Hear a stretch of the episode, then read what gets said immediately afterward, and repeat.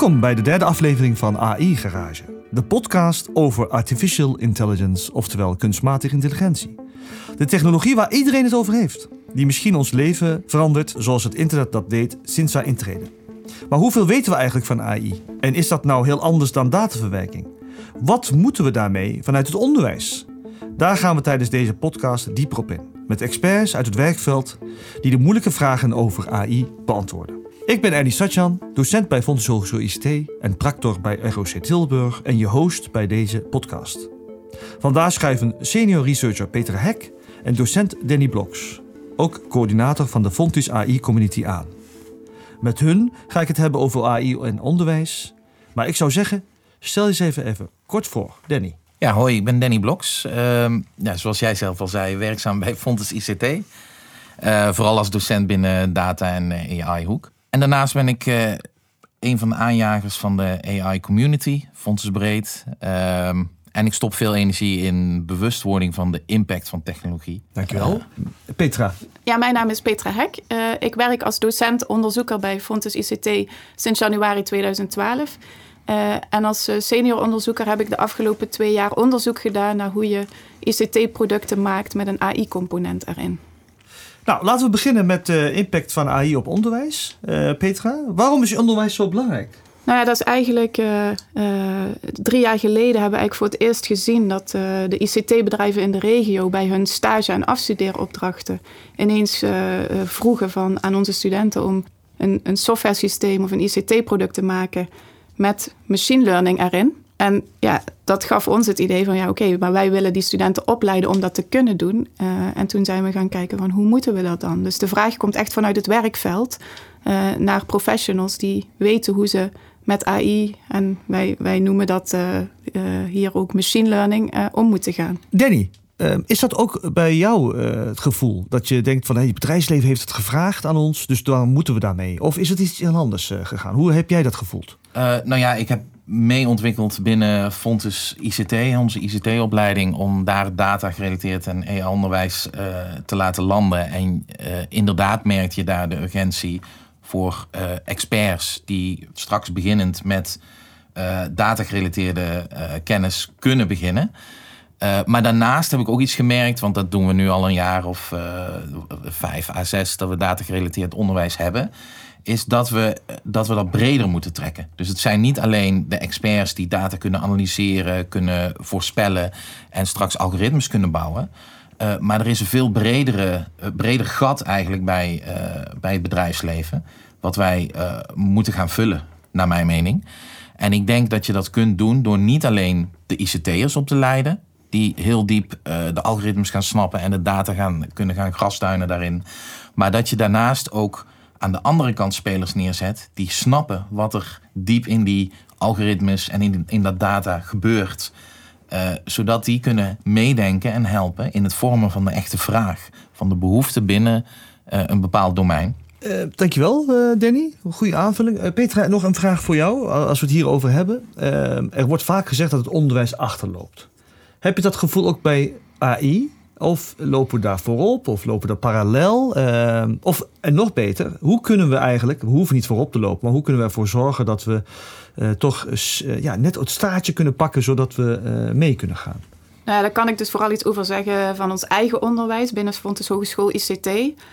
Maar daar hebben we eigenlijk ook een beetje geluk gehad. Hè, dat we die vragen van het werkveld snel hebben opgepikt. En ook de kans kregen om daar uh, twee jaar lang onderzoek naar te doen. En ik heb eigenlijk mezelf de vraag gesteld van... wat is dat dan, een AI-professional, een AI-engineer? Hoe moeten we die opleiden? Wat is dat? Wat heeft die nodig? Um, en ja, ik zie nu, zeg maar landelijk, met hè, vergelijking met de andere HBO-ICT-scholen, dat we daar voorlopen omdat we dus die kans hebben gehad om dat wat breder uit te zoeken. En zie je dat in de praktijk terug, bijvoorbeeld dat ze jou vragen stellen? Of komen ze langs? Of, uh, of is, ja, met coronatijd is dat wel wat, wat minder natuurlijk. Maar uh, hoe zie je dat wij voorop lopen? Nou, we hebben uh, binnen HBO-ICT, HBOI, dat is het landelijke netwerk van HBO-ICT-scholen. is er op een gegeven moment, ik denk anderhalf jaar geleden, een werkgroep opgericht om te kijken van ja, wat moeten we nou met data binnen de HBO-ICT-opleidingen. Ehm, en ja, dat zullen niet alle luisteraars weten, maar de, de HBOI-scholen hebben uh, samen een framework opgesteld van wat voor studenten leiden wij op? Wat zijn de eindkwalificaties van die studenten? Ehm, en ik heb daar dus ingebracht van oké, maar als je nu studenten wil opleiden als AI-professionals, welke eindkwalificaties zijn dan anders? Wat komt daar dan bij? Dus dat is nu ook verankerd in dat landelijke framework. Wat is jouw droom? Wat moet, uh, wat moet een AI-engineer uh, zijn? Of uh, als, je, als jij de, alleen recht had om een AI-engineeropleiding te creëren, en je hebt er onderzoek naar gedaan, hè, waaraan moet hij voldoen? Um, ja, dat is een goede vraag. Kijk, uiteindelijk is mijn droom en mijn visie uh, dat elke software-engineer die van een HBO-ICT-opleiding komt, een AI-engineer is. oftewel, dat iedereen dat in zijn of haar toolbox heeft. Kijk, op dit moment is het een specialisatie. Dus op dit moment kunnen studenten in het tweede jaar kiezen van, oh, uh, ik ben nu opgeleid tot software-engineer, ik wil me nu gaan specialiseren in AI. Maar ik denk, en ik denk dat Danny dat met mij eens kan zijn, als we kijken naar de toekomst, hè, dat AI overal is en nog veel meer overal gaat zijn dan het nu al is. Dus dan zou iedereen dat gewoon moeten kennen en kunnen. Maar ik vind het zelf heel eng. Machine learning, deep learning, ik weet er van alles van, maar ik kan het niet. Uh, hoe wil je dan ICT'ers die uh, bijvoorbeeld een, uh, dus niet zo goed zijn in, uh, in die deep learning of die algoritmes, toch meegeven dat, ze, dat AI belangrijk is? Dus als we dat breder trekken. Um, nou ja, dat is ook het mooie van AI. Hè? Dat, wat Danny net ook al zei, de ontwikkelingen gaan razendsnel. Dus um, er komen steeds meer uh, tools op de markt die iemand kan gebruiken zonder de diepgaande kennis van die algoritmes te hebben. Maar, en dan zou ik misschien nou uh, Danny wel eens willen laten vertellen, hè? Uh, hoe leer je nou mensen op een goede manier dat soort tools gebruiken? Ja, dat is een mooi uh, voorzetje. Ik, uh, ik, denk dat dat heel belangrijk is. Dat AI is meer dan alleen uh, de technische skills die je daarvoor nodig hebt. AI is gewoon, ja, ik noem het dan, het zou een soort gemeengoed moeten worden. en ik denk dan even vanuit onderwijs, want ja, daar zit ik dan toch in bij al onze opleidingen. Maar als ik kijk naar de maatschappij, merk je nu ook al dat, um, ja, zoals ik dat altijd zeg, in de afgelopen decennia heb je bedrijven langzaam zien verworden tot softwarebedrijven. Echt elke organisatie is langzaamaan een softwareorganisatie geworden. In meer of mindere mate. En wat je dan merkt is dat er ineens een verschil is tussen mensen die snappen wat software doet, zonder het zelf te kunnen doen, en mensen die dat niet snappen. En datzelfde gaat nu versneld merk ik, bij AI gebeuren. Dus kunstmatige intelligentie, algoritmes, wat eigenlijk ook voor een groot deel uh, een stuk software is, uh, maar die worden ineens toegepast in gewoon dagelijkse bedrijfsvoering, in dagelijkse maatschappelijke uh, uitkomsten. En op het moment dat jij straks een tweedeling hebt waarin mensen die snappen wat het doet en wat het is, en mensen die dat niet snappen, dan ga je dat heel erg merken in onze maatschappij en ook in je organisatie, in je bedrijf. En dan hoef je niet degene zijn die zelf inderdaad die code schrijft, die algoritmes schrijft, noem maar op. En Petra die, die refereert er al goed aan. In de afgelopen nou ja, vijf jaar heb je daar heel veel mooie tools uh, zien ontstaan. Waarbij je analyses, visualisaties, zelfs voorspellingen kunt doen zonder zelf veel regels code te hoeven schrijven. Uh, en om te ervaren wat een machine opvoeden is. Hè, ik trek bij studenten vaak ook de, de metafoor richting mijn uh, jonge kinderen. Twee dochters die je opvoedt. Die kun je op verschillende manieren opvoeden. Daar heb je ook een idee bij. Maar dat je daar iets in moet stoppen. Dat je zaken moet aanreiken. Dat staat buiten kijf. En datzelfde moet je bij een machine doen. En bijvoorbeeld refereer ik even aan onze minor AI for Society, die niet ICT'ers opleidt om AI te gaan snappen. Daar mag je bijvoorbeeld met Python heel diep uh, aan de gang gaan. Maar je mag ook ervaren hoe voed ik, hoe leer ik een machine iets. Met bijvoorbeeld een tool als Teachable Machine van Google. Dat is een hele simpele manier waarin jij gewoon door acties te laten zien voor een camera of, of plaatjes te laten zien, een stukje machine opvoedt. En dan zie je wat er gebeurt? Wat, wat algoritmes eigenlijk doen en hoe die gebouwd worden, zonder ze zelf te hoeven bouwen. Hoe, hoe kunnen we dit, uh, het bedrijfsleven heeft het initiatief genomen om uh, bij ons aan te kloppen en te zeggen van, hé, uh, hey, wij hebben AI-specialisten nodig. Hoe is het nu? Zitten ze nog steeds op, met hun handen over elkaar af te wachten of doen ze actief mee? Hoe zorgen we nou voor dat de samenleving met ons onderwijs hierin meespeelt? Als we, Peter, als jij, je hebt een onderzoek daarna gedaan, hè?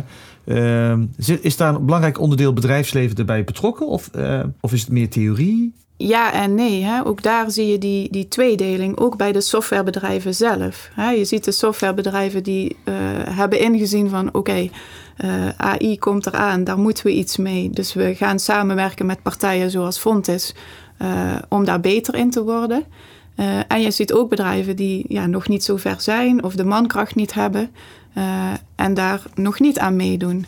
Dus wat wij ook verwachten, dus naast dat we onze eigen studenten opleiden als AI-engineers, verwachten we eigenlijk de komende jaren, en dat zien we ook wel, ook een echte opleidingsvraag uit het bedrijfsleven. Om uh, uh, professionals die opgeleid zijn als software-engineer in het verleden, uh, die dus geen AI of machine learning in hun opleiding hebben gehad, om alsnog bij of om te scholen naar AI-engineers. Dus dat is een, ja, wordt van alle kanten aan ons getrokken, zeg maar. Mooi. Uh, even een bruggetje naar de AI-community. Daar ben jij uh, een van de kwartiermakers, uh, Danny. is dat een belangrijk onderdeel van jouw takenpakket? Of wat is het? Wat is het? Wat doen jullie? Nou ja, daar kan ik wel wat over uitleggen, maar ik wil er sowieso op aanhaken. Graag. Want dit laat iets heel moois zien. Als, als het bedrijfsleven de noodzaak voelt om niet alleen nieuwe aanwas binnen te laten komen met die kennis, maar om de, de huidige medewerkers ook die kennis aan te geven.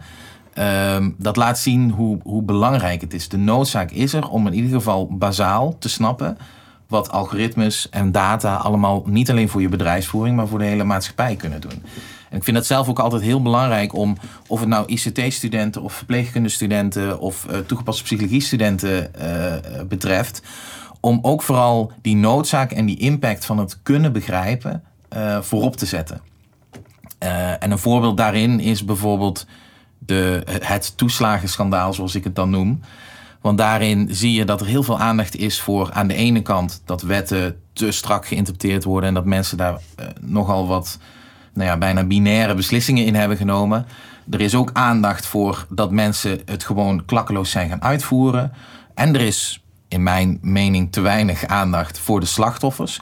Maar waar heel weinig aandacht voor is, is voor de technologie die daarbij gebruikt is. En dat zijn gewoon algoritmes die, uh, die gefilterd hebben. En in dit geval werd er gefilterd op wijk waar je woonde en op, nou ja, wat men dan noemt een niet-Nederlandse achternaam. En dat blijkt nu heel veel leed te hebben veroorzaakt en natuurlijk totaal ten onrechte te zijn geweest. Maar juist door het, door het stukje AI te gebruiken, dus algoritmes, om die filtering te doen, hoef je dat algoritme zelfs niet te snappen.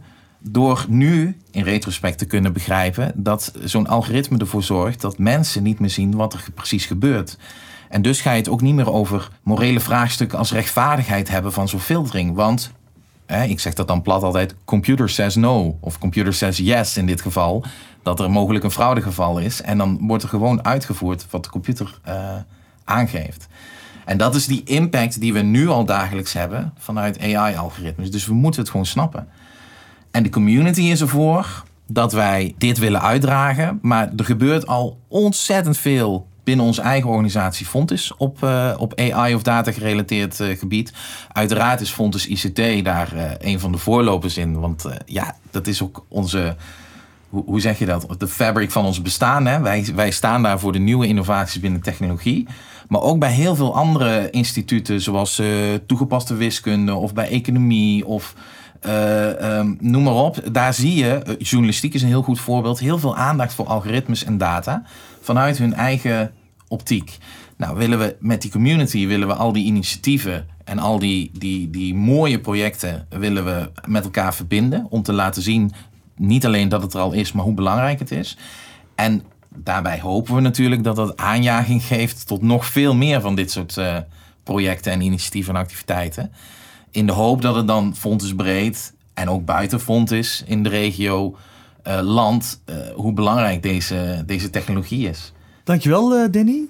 Wil jij daar, ja, Danny heeft twee onderwerpen aanges, aangestipt. Ehm, ethiek komt best wel vaak terug. Ehm, heb jij daar een mening over, Petra? Wil je daar nog iets over zeggen?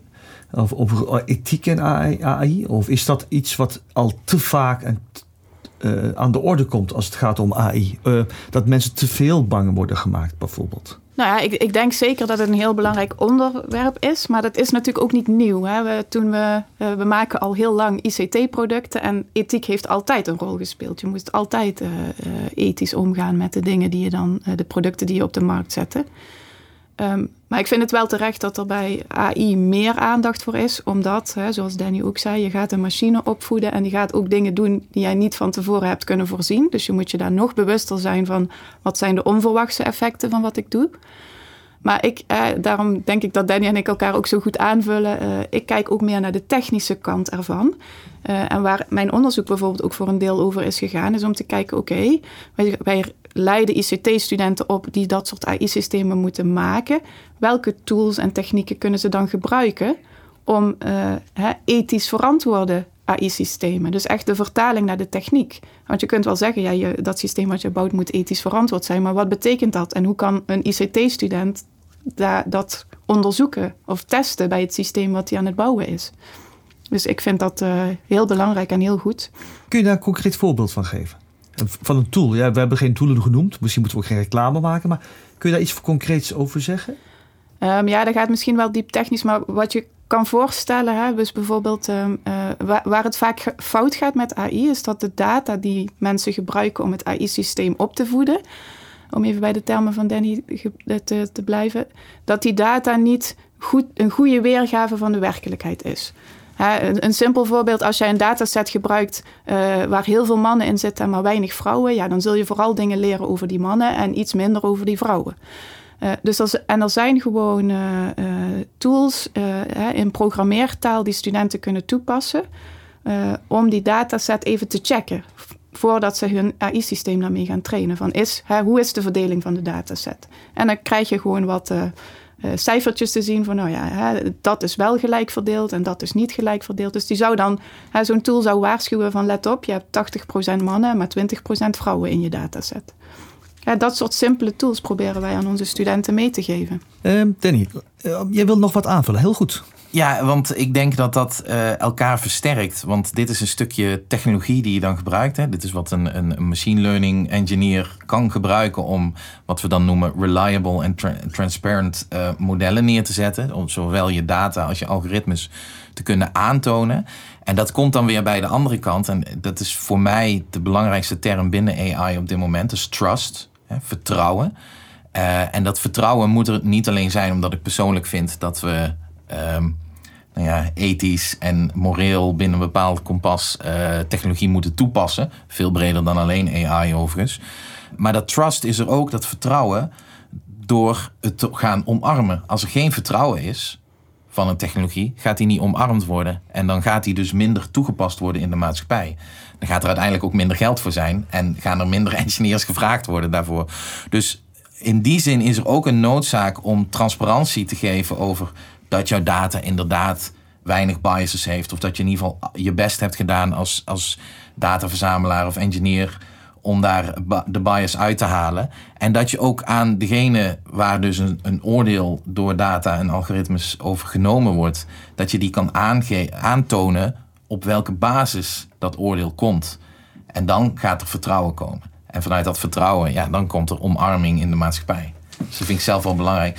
En eh, daar wil ik er nog bij vermelden, want dat is vers van de pers deze week. Uh, uh, Amesis, dat is een, een, Frans bedrijf. Die is nu voor het eerst aangeklaagd. omdat deze, dit is gewoon een AI-bedrijf die algoritmes levert om mass surveillance, hè, massa toezicht te doen op mensen. En Egypte en Libië, die heeft deze software aangekocht. Waarbij de aanklagers op dit moment vinden dat het goed aantoonbaar is dat deze organisatie had kunnen weten waarvoor hun software en hun algoritmes ingezet werden. En in dit moment worden ze dus medeplichtig. Nou ja, de zaak moet nog uitgevoerd worden, uiteraard. Maar het lijkt dat ze nu aangeklaagd worden voor medeplichtigheid op marteling en nou ja, ehm, zaken tegen mensenrechten in. En je wil als organisatie en ook als professional volgens mij niet zo'n rechtszaak aan je broek. Dus alleen daarin al is het volgens mij een noodzaak om je niet alleen op toepassing van algoritmes te, te focussen, maar ook op het transparant maken en zorgen dat je kan aantonen waar het op uh, gebaseerd is. Dat is een podcast op zich, hè? een hele onderwerp daarover. Um, als afsluiting, uh, ben ik iets vergeten? Wil je nog wat kwijt aan de luisteraars? Uh... Nou ja, wat ik vooral denk dat belangrijk is, is dat je één, um, niet een hoge drempel ervaart bij AI. Het is niet eng. Ehm, als jij heel diep eh, de deep learning in wil gaan, tuurlijk heb je daar een hoop branduren, affiniteit, uh, ervaring ook uh, voor nodig. Maar als jij de eerste stapjes wil zetten in wat AI nu kan betekenen voor jouw eigen huidige of toekomstige werkveld, dan is dat allemaal best wel te doen. Dus het hoeft, niet af te schrikken. En aan de andere kant denk ik dat je de noodzaak hebt richting jezelf en nou ja, je omgeving en je toekomstige werkveld om uh, dat ook ja, jezelf daarin uit te dagen. Als je het niet weet wat het doet en wat het kan, dan ga je er doorheen gehaald worden en dan, uh, ja, dan loop je achter. Petra, wil jij nog wat vertellen? Ja, ik wil eigenlijk wel aansluiten op wat Danny zegt. Hè. Dus ook voor uh, ICT'ers geldt, AI is niet eng en misschien nog wel meer, AI is niet moeilijk. Want AI, machine learning, zit toch een beetje in de hoek van de wiskunde. Um, hè, bij toegepaste wiskunde bouwen ze ook aan AI-modellen. Um, en wij doen dat bij Fontes Hogeschool ICT ook met onze ICT-studenten die geen wiskundige achtergrond hebben. Uh, en dat lukt toch vanwege de tooling, waar ik al vaker aan re refereerde. Er is tooling op de markt waarin je AI, waarmee je AI kan toepassen zonder uh, heel diep in de wiskunde te gaan die erachter is. Maar dan is het wel natuurlijk uiterst belangrijk dat we onze studenten wel vertellen hoe je dat op een verantwoorde manier moet toepassen. Dat de getalletjes die eruit komen, dat je die wel kan interpreteren en ook kan vertalen naar wat het voor de gebruikers betekent. En uh, wat Danny ook al aangaf, he, het, uh, transparant maken van wat die modellen doen. Uh, daar leiden we onze studenten in op en daarmee maken we AI toegankelijk en toepasbaar voor onze ICT-studenten. Um, wat ook nog uh, belangrijk is om te vertellen over de Fontes AI-community is... Uh, we hebben natuurlijk bij Fontes Hogeschool ICT onze lector AI en Big Data. Dat is zeg maar de Fontes-lector op het gebied van AI. Maar waar we de afgelopen jaren ook achter zijn gekomen als Fontes Hogeschool ICT is... Ja, alleen AI, uh, alleen ICT, ja, daar red je het niet mee. Hè? Het is altijd een samenwerking met een van de andere Fontes domeinen. Uh, hè, bijvoorbeeld de paramedische hogeschool, waarbij we projecten doen uh, met AI binnen de toepassing van data die uit wearables wordt gehaald voor mensen. Dus op die manier is ook het idee ontstaan van ja, we hebben eigenlijk behoefte aan een, een grotere AI-community dan alleen binnen Fontes Hogeschool ICT. We moeten samenwerken met alle lectoren en docent-onderzoekers ook van alle andere Fontes-instituten. En zo is de, de AI-community uh, eigenlijk ook ontstaan. Mooie afsluiting, heel erg bedankt. Nou, beste luisteraars, bedankt voor jullie aandacht. We hopen dat jullie er weer bij zijn voor onze volgende aflevering. Want daarin spreken we met Bart Wijnaert, lector Moral Design Strategy. We gaan het hebben over het moeilijke onderwerp waar we het eigenlijk kort ook over hebben gehad. Of misschien zelfs best wel aardig. Maar we gaan er verder op in over AI en ethiek. Tot dan!